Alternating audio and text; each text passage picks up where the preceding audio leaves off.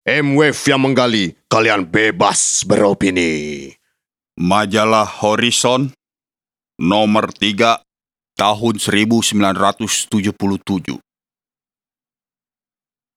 Yudhistira Ardinugraha mencari identitas.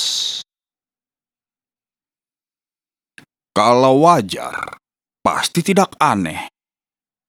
Dan kalaupun tidak wajar, sampai di mana sih ketidakwajarannya? Dan kalau aneh, pasti tidak wajar.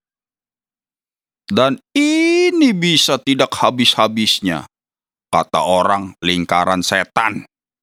Berputar-putar dan melingkar-lingkar sampai pada absurditas.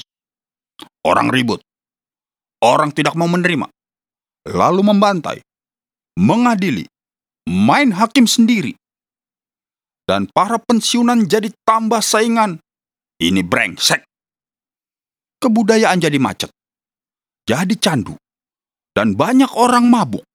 Mabuk bir, mabuk protes, mabuk seks, onani. Berkeok-keok sepanjang jalan.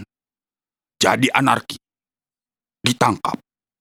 Juga tidak terima demonstrasi. Mana keadilan? Demokrasi diinjak-injak. Dan orang tetap tidak mengerti. Yang benar makin sulit ditemukan. Dan setan tertawa di mana-mana. Akhirnya semua kembali ke kampung masing-masing. Lalu persoalannya kembali pada masing-masing individu. Ego, seks lagi. Atau filsafat hidup baru, new life tapi tetap merasa tertindas. Kemudian setiap orang mengutuk setiap orang. Polusi di mana-mana. Pemogokan di mana-mana. Dunia makin dekaden. Kebobrokan moral. Seks lagi. Mabuk lagi. Dan ini lingkaran setan lagi. Absurd. Bajingan. Lalu di mana bisa ketemu dengan kebenaran? Dengan ketentraman, dengan diri sendiri. Bingung lagi. Mengeluh lagi. Mengutuk lagi. Marah-marah lagi. Demonstrasi lagi. Mogok lagi. Menuntut lagi. Ini klise. Kampungan. Memuakan dan banyak orang muntah-muntah. Muntah berak, disentri, TBC, turun berok, mental depresi, orang bunuh diri, maut di mana-mana. Tuhan dicari di mana-mana, tidak ketemu. Ini ekstrim kiri, sementara yang ekstrim kanan semakin besar kelompoknya, makin berkuasa, makin sewenang-wenang demokrasi lagi, keadilan lagi. Dan ini bajingan lagi. Tidak wajar. Mengada-ngada, mencari efek. Orang mengutuk dengan ribuan tanda seru. Buset. Bangsat. Banyak orang keracunan. Marlon Brando hampir mampus gara-gara makan udang laut yang mabok nuklir. Tapi percobaan-percobaan terus dilakukan. Protes-protes tetap dilakukan. Tapi pembunuh-pembunuh itu tetap tekad. Ini mencari gara-gara. Padahal takut perang. Tapi mencoba perkakas perang makin gila-gila. Tidak ada kengerian lagi. Paling mati dan rakyat RRC yang 800 juta tidak takut kehilangan 700 juta nyawa dalam peperangan nuklir yang sehebat apa pun. Penduduk mereka masih cukup membangun kembali kejayaannya di tengah-tengah dunia yang mungkin sudah peot separuh ini. Bahkan perang lebih baik, lebih bijaksana. Ledakan penduduk bisa dihentikan. Tapi apa manusia bisa sekejam itu? Bisa. Pengalaman menunjukkan Dah bukti melimpah ruah. Ini tentu mengerikan. Lalu di mana kambing hitam berkeliaran? Gampang, dicari teknologi misalnya. Dan teknologi yang maju dikutuk. Tapi juga dianjurkan di mana-mana. Ini bagaimana? Tapi kalau tidak mau cerewet, tentu tidak akan ada keributan apa-apa. Jadi sebaiknya diam. Diam lebih tenang. Dunia lebih sepi. Kosong. Hening. Kaulayan Gusti menunggal. Menyatu dalam titik singgung mikrokosmos dan makrokosmos. Alam langgeng. Abadi. Biar. Itu idealisme. Metafisis. Sulit untuk manusia sekarang. Tidak praktis. Tidak masuk akal. Lebih baik biarkan. Biar begini-begini aja. Mati ya mati. Sudah. Hidup ya hidup. Sudah. Langgeng. Sengsara. Masuk neraka. Terserah nanti. Sakit. Biarin. Kalau harus. Mau apa lagi? Ini nerimo. Apatis. Putus asa. Tidak ada gerak. Tidak dinamik. Macet. Lamban. Bebal. Goblok. Bego. Biarin. Nah, siapa yang bisa? Pribadi-pribadi tentu saja. Subjek juga subjek. Juga predikat. Keterangan subjek, keterangan objek, keterangan predikat. Pelengkap-pelengkap kalimat per kalimat. Kata per kata. Suku kata per suku kata. Huruf per huruf. Tanda-tanda baca. Titik. Titik koma. Koma. Titik dua. Tanda petik. Dan sebagainya. Juga angka-angka. Turun ke ilmu pasti. Aljabar. Ilmu ukur. Mekanika. Pesawat kimia. Teknik lagi. Bajingan. Manusianya di mana? Dialognya di mana? Monolognya di mana? Bahasanya di mana? Cari. Cari di daftar algoritma. Eh, bukan. Di daftar bibliografi. Di daftar tamu. Di buku acara. Di resep-resep dokter. Di kertas-kertas pembungkus. Di koran-koran gosip. Di perpustakaan. Ya, di buku-buku. Di daftar isi. Di kata pengantar. Di kalimat-kalimat. Di peta-peta di aturan pakai obat-obatan, di kalender-kalender, sekalian terus ke kebun-kebun binatang, ke kebun singkong, ke kebun cengkeh, hutan, sawah, rawa-rawa, gunung, laut, udara, bintang-bintang, bulan, satelit, bajingan. Pasti terus ke roket Sputnik, Cap Kennedy, ini Amerika. Borjuis. Tidak timur. Tidak pribumi. Terus? Terus ke mana? Pusing saya ini jalan buntu. Apa boleh buat? Kembali aja deh ke masing-masing. Masuk sedalam-dalamnya kalau bisa. Kalau tidak bisa, ya sudah. Tutup buku, lalu tidur. Semoga bermimpi indah. Sekarang begini aja. Ini wajar atau tidak? Tapi biar aja deh. Jangan repot-repot. Mau wajar atau tidak, persetan. Mau dimengerti atau tidak? Persetan. Lihat aja nanti. Atau paling-paling bosan. Membosankan. Nah, tinggalin aja. Atau biarkan saja terkapar. Biarkan sepi. Dan di dalam sepi ada apa? Orang tua bilang, dalam sepi ada bahaya. Bahaya apa? Tentu tergantung pada sepinya. Sepi apa?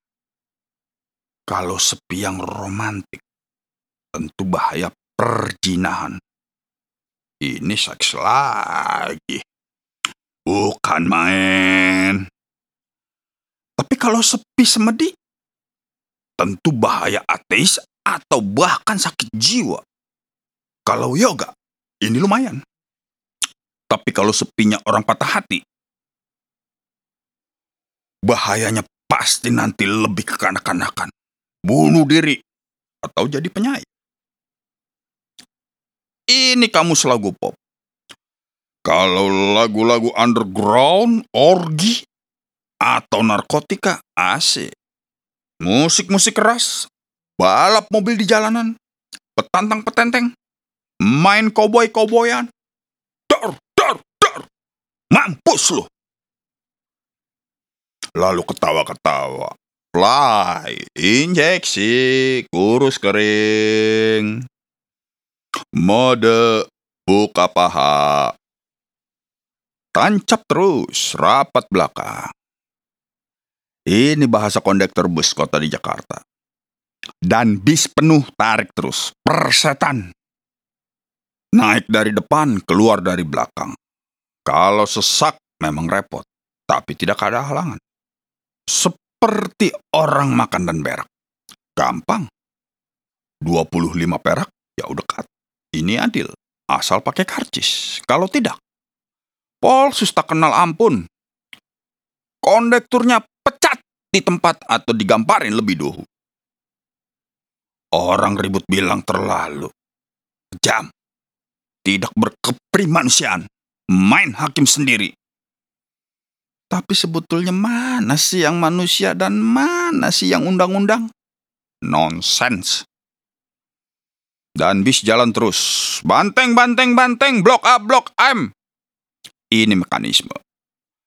Berjalan tiap saat, semua orang menerima. Tidak absurd. Plotnya jelas. Berangkat dari rumah ke terminal, terus ke kantor atau ke tempat pelacuran. Selesai. Mana yang absurd? Tidak ada. Dan pada akhirnya yang jadi korban pasti ada. Selalu ada.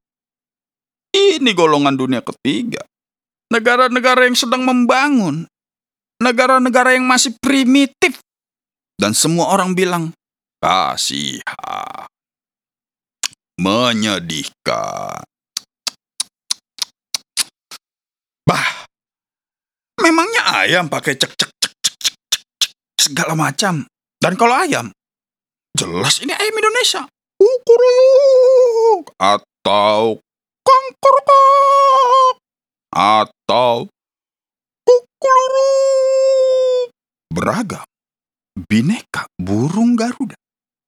Kalau dulu ada Jatayu, ada Rawana, ada Dewi Sinta, ada Anoman, Wibisana, Krishna. Tapi sekarang ada.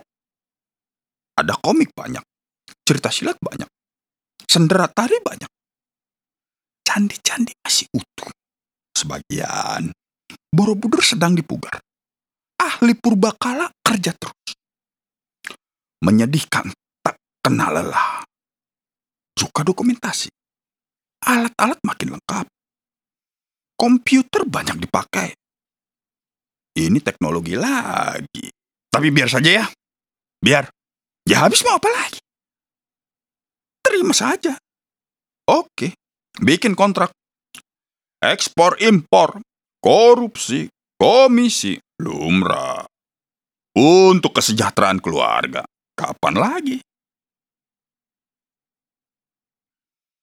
Kalau semuanya sudah selesai, sambil bersantai-santai, bisa-bisa saja kita bertanya pada diri kita masing-masing. Wajar atau tidak? Kalau tak terjawab, ya sudah. Toh, jawaban sudah tidak perlu lagi.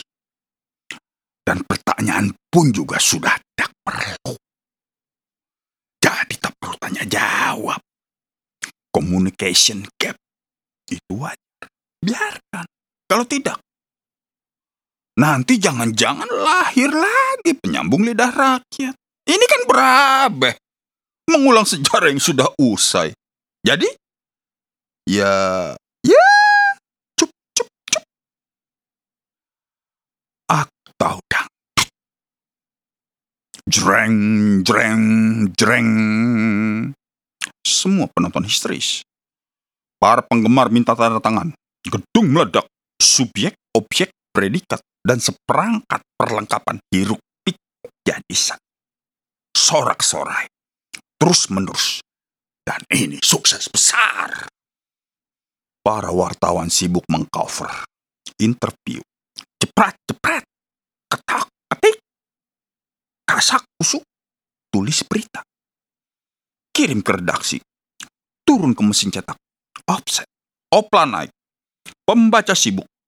Ini mekanisme, teknik lagi, dasar monyet. Ya tapi tidak apa-apa. Di Amerika orang sibuk menulis juga. Automatic writing.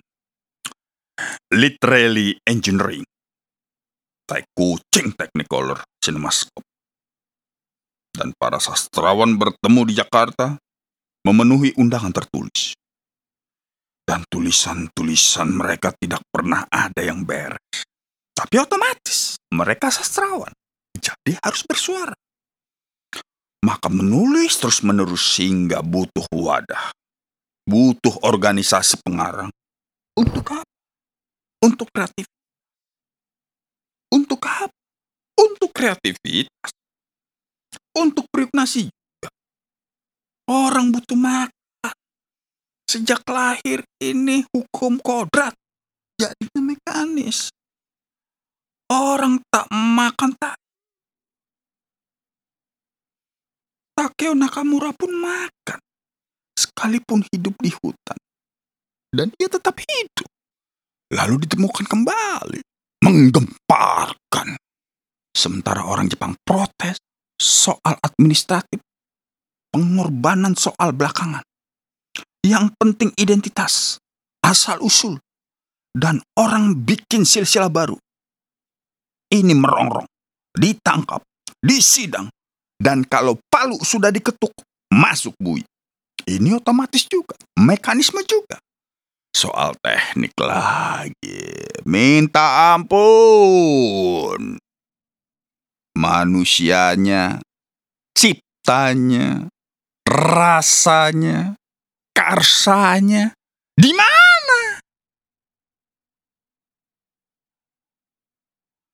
Jangan cemas, ia ada di kelompok, di kaki lima di bawah jembatan, di kereta api, di tambang-tambang, di rumah sakit, di Israel, di Arab, di tengah-tengah medan perang, di mana-mana tapi akhirnya kembali pada kesangsian semula. Wajarkah kehadiran mereka di sana? Pasti wajar. Atau pasti tidak wajar. Dan ini lekas dilupakan kembali. Atau paling banter orang ribut soal eksistensi, soal esensi, dan banyak filsuf menggarap soal ini. Tapi hasilnya cuma keluhan yang panjang, tapi tidak sampai. Sebab akhirnya semua kembali pada pribadi-pribadi. Dan kalau sudah begini, orang bingung lagi. Tapi tidak bisa bertanya. Paling menyerah. Nerimo. Dan itu sikap tradisional Jawa. Banyak yang tidak suka. Lalu seharusnya bagaimana sih? Ya, pasti orang bilang begitu atau sabar, sabar. Dan orang ribut lagi.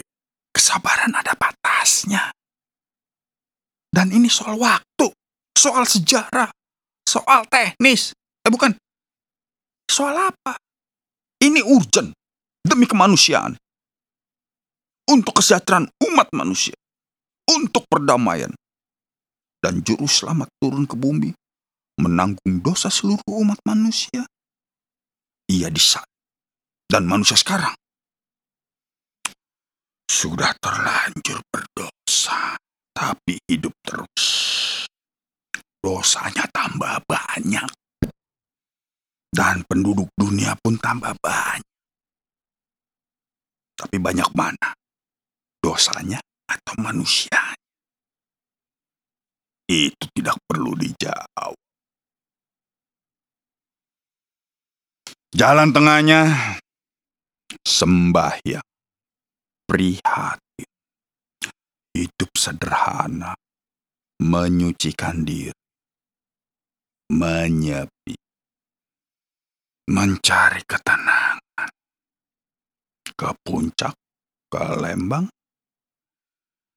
Tapi banyak juga yang lari ke Keramat Tunggak kalau orang Jakarta. Kalau orang Jogja ke Palokan, Pasar Kembang, Kali Urang, dan di Solo ada Silir.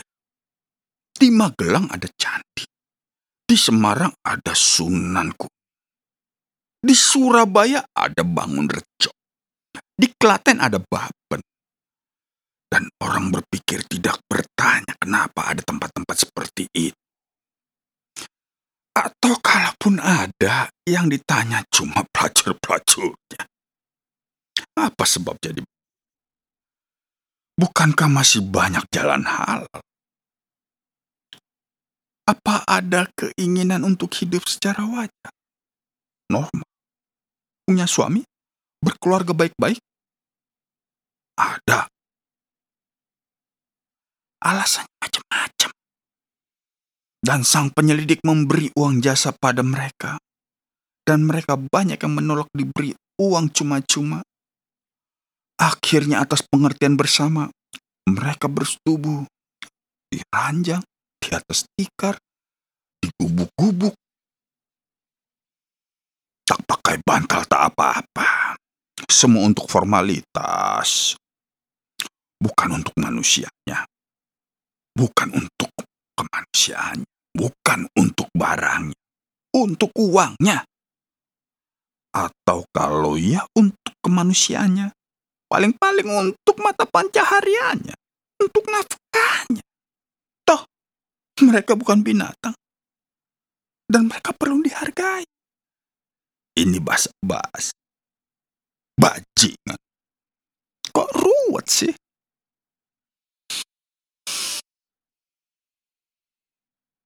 Sebetulnya tidak ada yang ruwet. Yang penting wajar atau tidak wajar.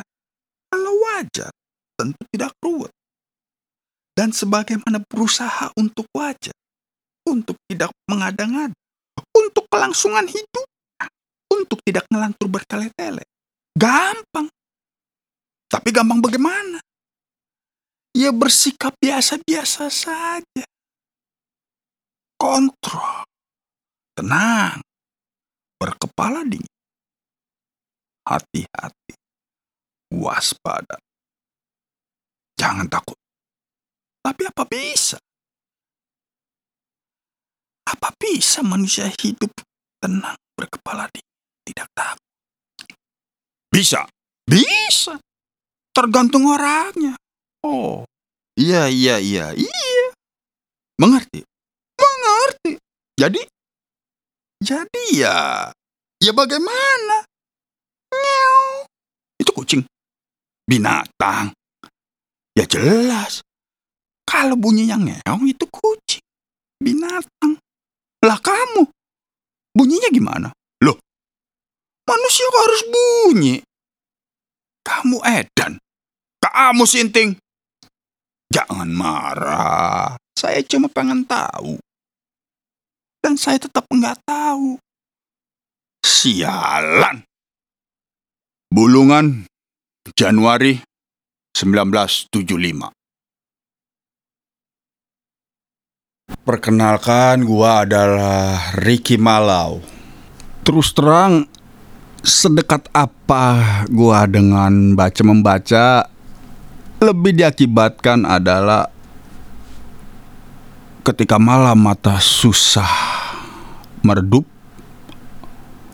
sepertinya harus dibawa capek dengan membaca. Ketika sudah capek, maka mata akan tertidur. Sedekat itulah gua dengan membaca. Dan ketika menyangkut sastra, sastra buat gua adalah salah satu pelajaran ketika gua masih SMP. Di mana selain bahasa Indonesia, gua harus belajar tentang sastra, baik itu dari era-era pujangga lama, pujangga baru, bahkan sampai ke generasi-generasi 65. Dan pengaruh sastra buat gua terus terang akhirnya menyebabkan gua menjadi banyak tahu tentang bagaimana orang bertutur dan menyikapi arti makna kata. Arti makna kata. Nah, dalam sastra ada hiperbolis. Salah satu salah satu majas yang ternyata di dalam seni rupa yang gua dalami erat hubungannya dengan orang-orang romantis.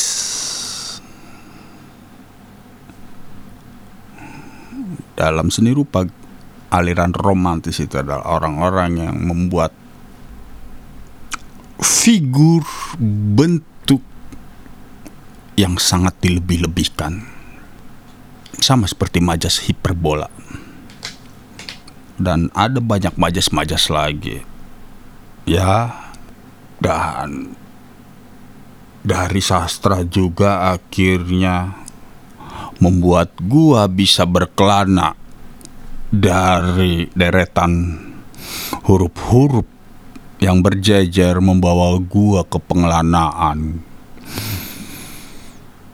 Sumatera Barat 1920 ketika salah asuhan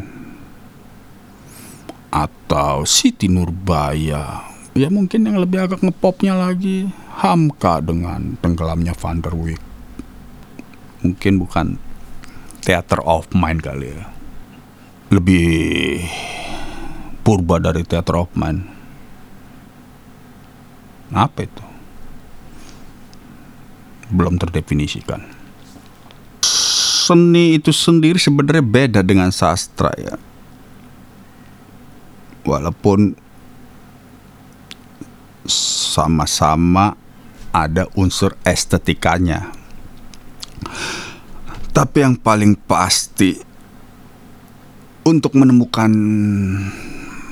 identitas seni atau sastra sebagai medium mungkin bisa mungkinnya tanda kutip karena untuk menentukan atau mencari identitas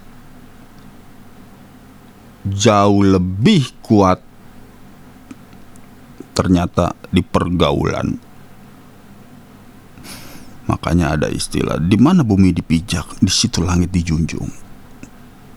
Tentang bagaimana manusia beradaptasi. Manusia termasuk tubuh, pikiran dan tingkah laku. Ketika lu berkumpul dengan para bajingan, engkau akan jadi bajingan. Ngumpul dengan orang ngetop, lu akan ikutan ngetop secara nggak langsung identitas lu bakal bermetamorfosis. Membaca esai dari Yudhistira Ardi Nugraha buat gue pribadi seperti membaca sebuah skenario dan ketika kita membaca skenario sebisa mungkin menghidupkan apa yang sudah dituliskan. Ah, apakah tulisan ini sudah hidup tanpa dibunyikan pun atau dilafaskan pun tulisannya sudah hidup. Tapi apakah tulisan ini relate? Relate itu tergantung kita mau bawa ke mana itulah. Orang-orang seni ada banyak point of view, ada banyak sudut pandang. Kalau mau dibawa relate bisa kita bikin relate. Kalau kita sebut nggak relate, bisa kita bikin nggak relate. Karena gue pribadi masih percaya anak muda. Kalau memang ini tujuannya buat anak muda. Kalau lu mau maju, lu harus bunuh karya-karya pendahulu lu. Itu sih yang gue percaya sampai sekarang kemarin tanggal 28 Oktober ketika Sumpah Pemuda itu 20 tahun Wah Gerudolf Supratman pun juga masih 22 tahun. 20-an tahun udah berpikir untuk mendirikan negara. Kita berdiri dari tempat kita rebahan aja susah Udah nyaman Ya gue nggak tahu dah. Kita harus berterima kasih pada kenyamanan yang sedang kita terima, atau kita harus dipecut seperti mereka para pejuang bangsa. Tapi gue percaya semua karya pasti akan menemui takdirnya masing-masing. Sama seperti karya Yudhistira Adi Nugraha ini. Kesumpakan dia dalam suatu ruangan mungkin kita sebut berkontemplasi. Makanya gue percaya sama kata Tan Malaka. Idealisme adalah kemewahan terakhir bagi kaum muda.